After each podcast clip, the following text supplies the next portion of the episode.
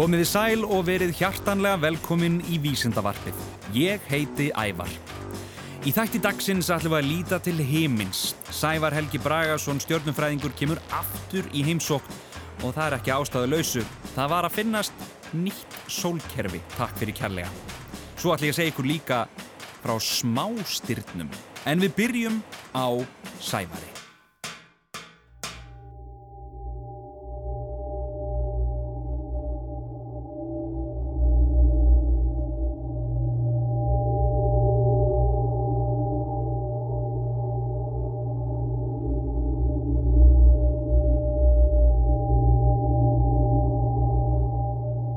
Sævar Helgi Bragason, stjörnufræðingur, velkomin. Takk fyrir það. Segðu okkur nú, hvað, hvað, hvað gerðist, hvað fannst?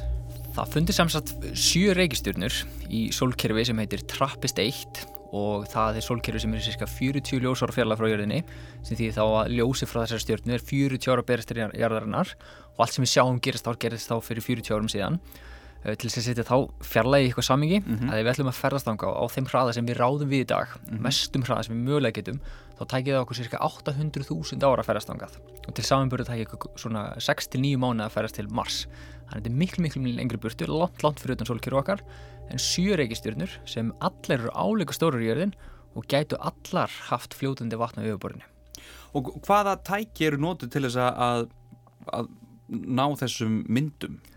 Það eru margi sjóningar út um allan heim sem voru notaður í þessar, upp, þessar uppgötun, ekki bara NASA. Um, til dæmis það var notað sjóningi í geimnum frá NASA sem heitir Spitzer og hann rannsakar innrökkljós sem er e, doldur svona bara eins og hitin sem best frá stjórnunum og því og þá gæti hann rannsaka mjög vel þegar reykistjórnunar gengur fyrir stjórnuna frá okkur séð. Þetta er svona eins og mínisólmerkvi. Það er að þegar reykistjórnuna gengur fyrir stjórnuna þá varpaðu svona laungum skugga sem náðu alla leið til jarðarinnar mm -hmm. og við mældum þessa skugga og þeir voru ekki bara einn eða tveir, heldur sjö. Þannig að við erum með sjö plánundur sem snúast þarna hver um, í kringum þessa stjórnu, bara svona eins og í sólkjörun okkar við erum stýst um sóluna mm -hmm. e, nema það að svo reykistefnin sem er næst þessari sól sem heitir Trappist 1 og hún er bara einn og halvan dag að fara í kringum sóluna sína þá minnum við erum 365 daga en svo sem er lengst í burtu frá þessari sól er bara 20 daga.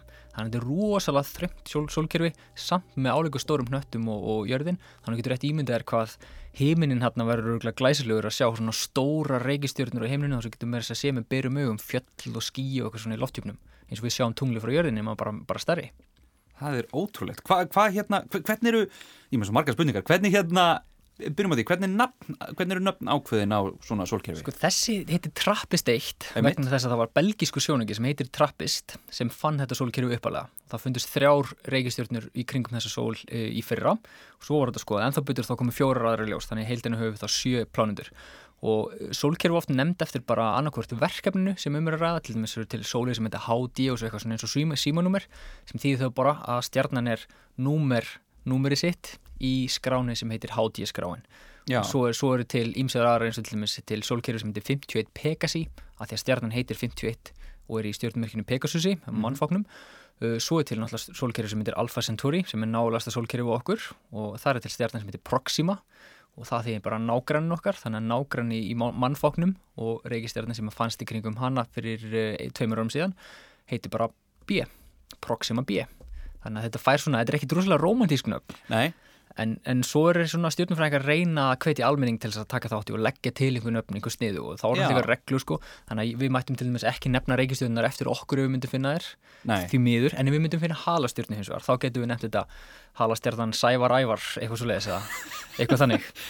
En, en okkur er það? Okkur, okkur má nefna halastjórnur hvað sem er en, en Það er alveg bara vegna þess að stjórnumfræðingar setja sér reglur í kringum þetta Já. þegar hnöttunum fóru fjölga Já. og þá var bara hefða að nefna halastjórnum eftir þeim sem fundu mm -hmm. þær smástjórnum sem eru solkjörun okkar þau fengur nefn fyrst eftir guðum og giðjum og rómveskar og grískir góðafræði bara svona mm -hmm. reykjastjórnar af því að menn held að þetta væri reykjastjórnur svo fjölgaði þeim og í dag er þetta fáta nefnt eftir veist, bítladnir og, og hérna örgulega Justin Bieber í framtíðinu eitthvað svo leiðs þannig að hérna, það, það má nefna sérst eftir einhverjum öðrum einstaklingum en þú mátt ekki nefna eftir sjálfur það er bara svona reglur sem þeir hafa búið til ég skil, ég skil, en geti ég nefnt í höfuð á þér? Já, ef ég myndi finna smástyrni og, og væri rossvektur í því að ég get ekki nefnt hann eftir sjálfur mér Einmitt. þá myndi ég náttúrulega grípa tækifæri og segja að hún myndi heita Ævar. Ævar, einmitt, og vonandi væri hún þá einhver staðar í, í, í, í nágrinni við eitthvað sem við getum í einhverjum S-flokki.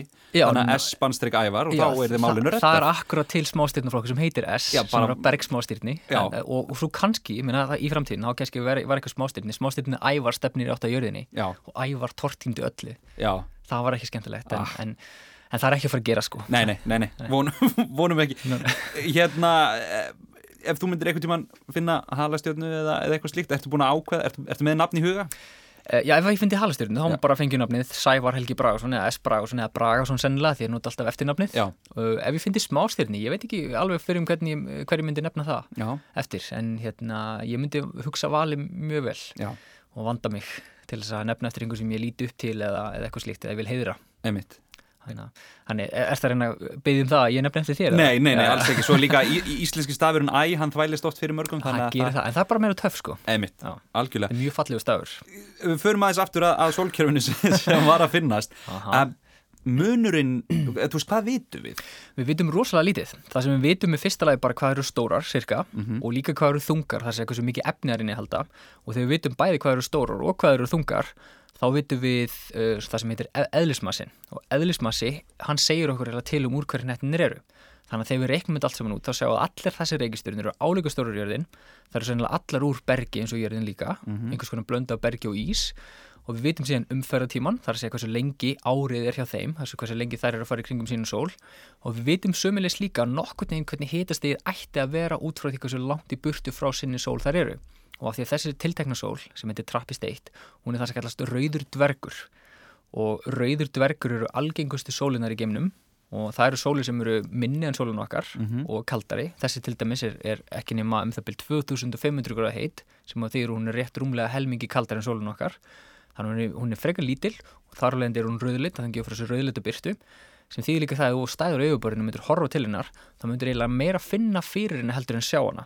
Já, og það er kannski svolítið skrýta að hugsa út í það einmitt. en þetta er svol- svolítið eins og hitalampi þú sér að þú ferði í hérna, búð að, eða eh, KFC eða eitthvað svona kjúklingastæð eða eitthvað svoleiðis, þá erum við svona hitalampa til að halda matnum heitum Já, og þú finnur fyrir hitanum miklu frekar heldur en þú sérð bjarman ég skil frá ljósunum. Og Einmitt. það er alveg svolítið svipað með þessa sól því hún er það köld. Já, þannig að þú sæður hún í heimlinum þá væri hún svona ekkert ósvipu útlit eins og þegar við sjáum sólun okkar setjast svona rauðleitt og jafnvel stundur svolítið lagsableik en svona það er eiginlega það eina sem við getum vitað um nettin eins og er, við höfum aldrei séð á við höfum bara séð áhrifin sem þar hafa á ljósi sem berst frá sólunni sjálfri, þar sé að þegar þar farið fyrir, þá verða svona mín í sólmerkvar og verður bara langum, löngum skuggum út í geiminn sem við mælum. það er, og, og, hva, hver eru þá næstu skref? Hvað gerist núna? Núna er þar á bæinn beina bara öllum stærstu sjónungum í heiminum og það er ein- einmitt eitt af því sem er mjög skemmtilegt við þessu uppgötun því að þetta sólkerfi er tiltölulega nálátt okkur. Þetta er bara bakaröðnum okkar sem er kannski svolítið skrítið að tekur 800.000 ára að ferðast þangað. Einmitt. En í stjartfræðilegu mælikvar þá er þetta bara í næsta nágrinni og það gerur okkur einmitt kleift að nota alla stærstu sjónungi í heiminum til þess að rannsaka þetta betur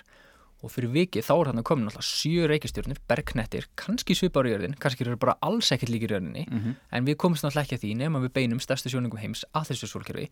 Og það er einmitt það sem að verður núna næstu árum. Þegar stærstu sjónungur í heiminu verður teknir í nótkun annar gamesjóningi sem á að koma í staðin fyrir Hubble sem heitir James Webb sjóningin og svo bara allir, svona, við munum líka reyna að hlusta eftir lífið ángað þar Já, beina hérna útvarpsjónungunum svona risastóru loftnetum og reyna að hlusta eftir því hvort það sé einhverja viti borðnar verur að búi til útvarpsætti eða hvað sem er hérna og hver veit, kannski er ólíklegt en við vitum það ekki nema við leitum. Einmitt. Og, og, og hvað, hvað tekur það, að því nú vitum við að ljósið, hvað það ferðast hratt Hvernig er með eins og hljóð í gemnum? Já, þá er þetta best bara með svona ljósbylgjum. Þar að segja útvarpsbylgjur eru raun og bara ljós bara ljós með minni orku heldur en sínilega ljósi sem við sjáum. Og við getum með mitt sendt slíkar bylgjur út í geiminn og við getum hlusta á slíkar bylgjur sem koma annar staða frá. Og ef við til dæmis myndum senda þennan þátt út í geiminn Mm þá væri hann kominn til trappist eitt eftir 40 ár. Já, og ef einhverjir heyra það, einhverjar lífverður þar heyra það í okkur og senda okkur síðan svar tilbaka þá heyrum við það fyrst eftir 80 ár af Já. því að náttúrulega tekur 40 ár pluss 40 ára berast aftur, ok aftur til okkar. Einmitt. Þannig að við verum öruglega, já vonandi hérna ennþá þegar við Já, fáum svörin bara við þetta áttunum býðum spenntir á elli heimilinu eftir, Já, eftir já. svari. En þetta er nefnilega það sem er vandamálið kannski við þetta allt saman, þetta er allt svo ótrúlega langt í burtu, þetta er svo döft, við til dæmis sjáum þessa stjórnu ekki með berum augum á heimlinum við þurfum bara stóra sjónunga til að rannsakana mm en, en allar fjallæðir í geimnum eru svo svakalegar að við getum bara nota sjónuga og nota okkur allavega ljósraðan til þess að rannsaka þessi netti af því við getum ekki sendt geimfráðanga því svo er Og sko, hvað hva finnst þér mest spennandi við þetta allt saman? Það sem ég veist mest spennandi er eh, svona svo uppgötin sem ég langar mest af öllu til þess að upplifa áður en ég hverfa þessari jörð Já. er að upplifa upp er uppgötunin á því það sé líf annars stærri geimnum og þarna er bara komið sólkerfið það sem gæ, við gætum fengið svar við þessari spurningu til dæmis myndum við gera það þannig með því að rannsaka lofthjúpin hjá þeim Mm og þá býðum við eftir því að reikistjarnan eða reikistjörnunar fara fyrir sólina þarna frá okkur séð -hmm. og þá sjáum við þegar e, ljósi frá stjörnunni fer í gegnum efri hlutun á lofthjúpnum. Það myndir svona bara gasjúpur í kringum reikistjörnuna og svo getum við skoða fingraförin sem að prentast eiginlega í ljósi frá stjörnunni. Og svo við skoðum þessi fingraför þá getum við sé hvað efni leynast í lofthjúpi reikistjörnunar það er náttúrulega rosalega flóki og rosalega erfitt. Já, já. En þetta er hægt og þannig getum við finnir upplýsingar um það hvort það til dæmis sé súrefnið þarna. Ef við finnum súrefnið þá er það mjög merkilegt en það þarf ekki að því að líf Mm af því að það er snettir okkur sólkerfi sem hafa súrefni en ekkert líf.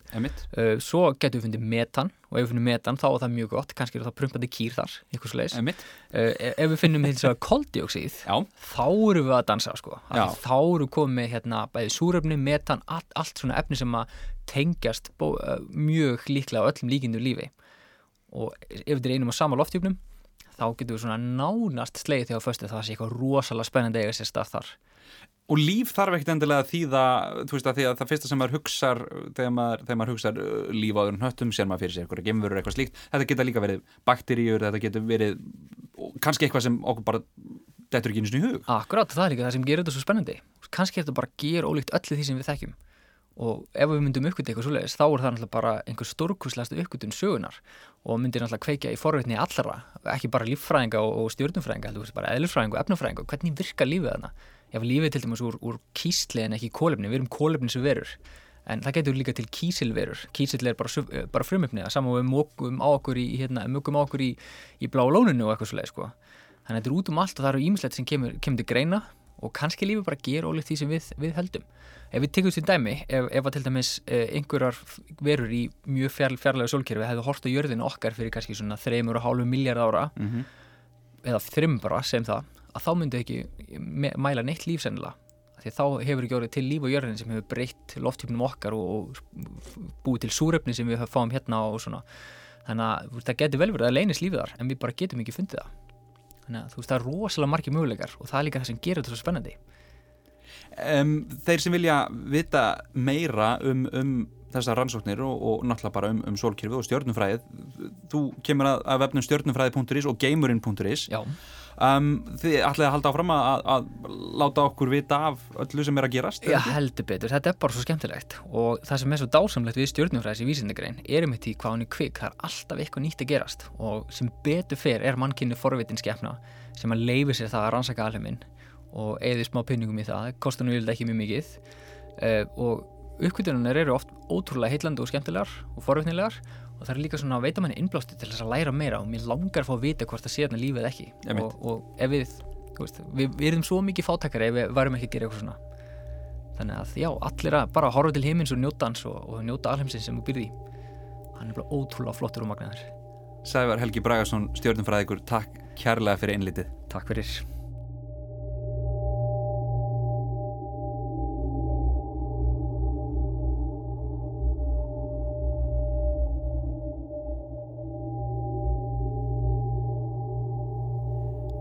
Við skulum kíkja á vefsíðuna geimurinn.is og lesa örlítið um smástyrni.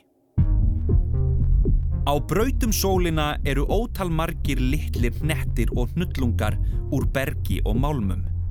Þeir eru of litlir til að kallast reikistjörnur, svo við nefnum þá smástyrni. Smástyrni eru leifar frá myndun sólkerfisins.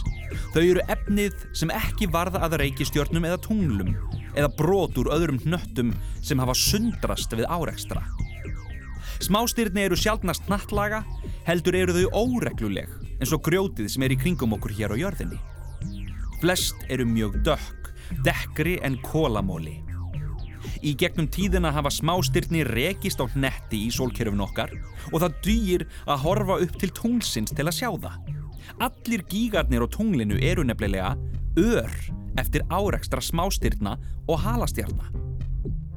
Ekki er vita hversu mörg smástyrnin eru nákvæmlega. Útreikningar og áallanir vísindamanna benda til þess að í sólkerfinu okkar séu meira en 100 miljón smástyrni. Lítil smástyrni eru miklu algengari en stór. Aðeins eitt er mun stærra en Ísland, langflest eru miklu minni. Þótt smástyrnin séu mörg, eru þau svo lítil að ef við nóðuðum öllum saman í einn nött er þann samt minni en tunglið. Stærsta smástyrnið í sólkerfin okkar heitir Ceres. Það er 975 km í þvermál eða um það byl tvöfalt breyðara en Ísland. Ceres er eina smástyrnið sem er nógu stórt til að vera kúlulaga og er þess vegna líka dverg reykistjarnar. Það var líka fyrsta smástyrnið sem fannst. Ceres er tæplega helmingi starra en næststæsta smástyrnið, Vesta, sem er álíka breytt og Ísland. Lang flest smástyrni er á svæði millir Mars og Júpiters sem kallað er smástyrnabeltið. Þau urðu sennilega til þar þegar sólkerfið okkar var að myndast. Nálægðin við Júpiter kom sennilega í veg fyrir að reykistjarna myndaðist. Smástyrni eru víðar í sólkerfinu, til dæmis í námunda við jörðina. Þau sem komast næst jörðu eru kölluð jarðnándar smástyrni. En úr hverju eru smástyrni? Þau eru aðalega úr bergi og málmum eins og járni og nikkel. Sum innihalda mikið vatn og kólefni og meira segja lífræn efni líka, þó auðvitað ekki líf. Af þessum sökum halda margi stjörnufræðingar því fram að þegar smástyrnum ringdi yfir jörðina í árdaga sólkerfisins hafið þau borið með sér vatn og efni sem eru nöðsynleg lífi. Við getum að minnstakosti verið nokkuð vissum að hluti vassins sem við erum úr og drekkum hafi borist til jarðar með smástyrnum. En þá er komið á stóru spurningunni. Geta smástyrni rekist á jörðina? Svarið er já. Smástyrni hafa marg oft rekist á jörðina og munu halda áfram að rekast á jörðina í framtíðinni. Fyrir 65 miljónum ára rakst um það byl 10 km breytt smástyrni á jörðina með þeim afleðingum að 75% af öllu lífi á jörðinni dó út, þar á meðal risaðilurnar. Gígurinn sem myndaðist er að finna í Mexiko en hann er um það byl 200 km í þvermál. Fyrir 50.000 árum rakst 30-50 metra breytt smástyrni úr járni á Arizona í Bandaríkjónum. Þá var til gígur sem er meira en 1 km breytt og næstu því 200 km djúpur. Brot úr þessu smástyrni hafa fundist. Þann 15. februar árið 2013, það er ekki langt síðan, þá sprakk um 20 metra breytt smástyrni yfir borg í Rúslandi. Sprengingunni fylgdi öflug höggbilgja sem sprengdi rúður og feldi mannvirki. Næstum 1500 mann slösuðust. Aldrei áður í sögunni hefur jafn margt fólk slasast af völdum smástyrna áreksturs.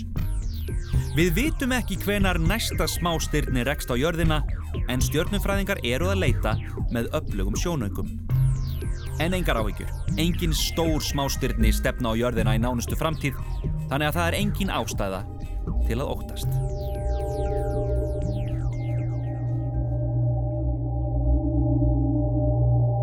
Þættinum er lokið. Ég vil þakka Sævari Helga Bragarsinni stjórnufræðing fyrir að kíkja í heimsók og auðvitað að leifa mér að lesa hér smá upp af gamerinn.is. Þá vil ég líka minna á vefsíðu þáttarins krakkarúf.is skástrygg ævar. Ef þið farið þangað inn þá getið þið hort á alla þættina mína, hlustað á öll vísandavörpin og líka fylst með flöskuskeitunum mínum. Annað þeirra er enn á ferð og flugi. Ég þakka fyrir mig, yfir og út.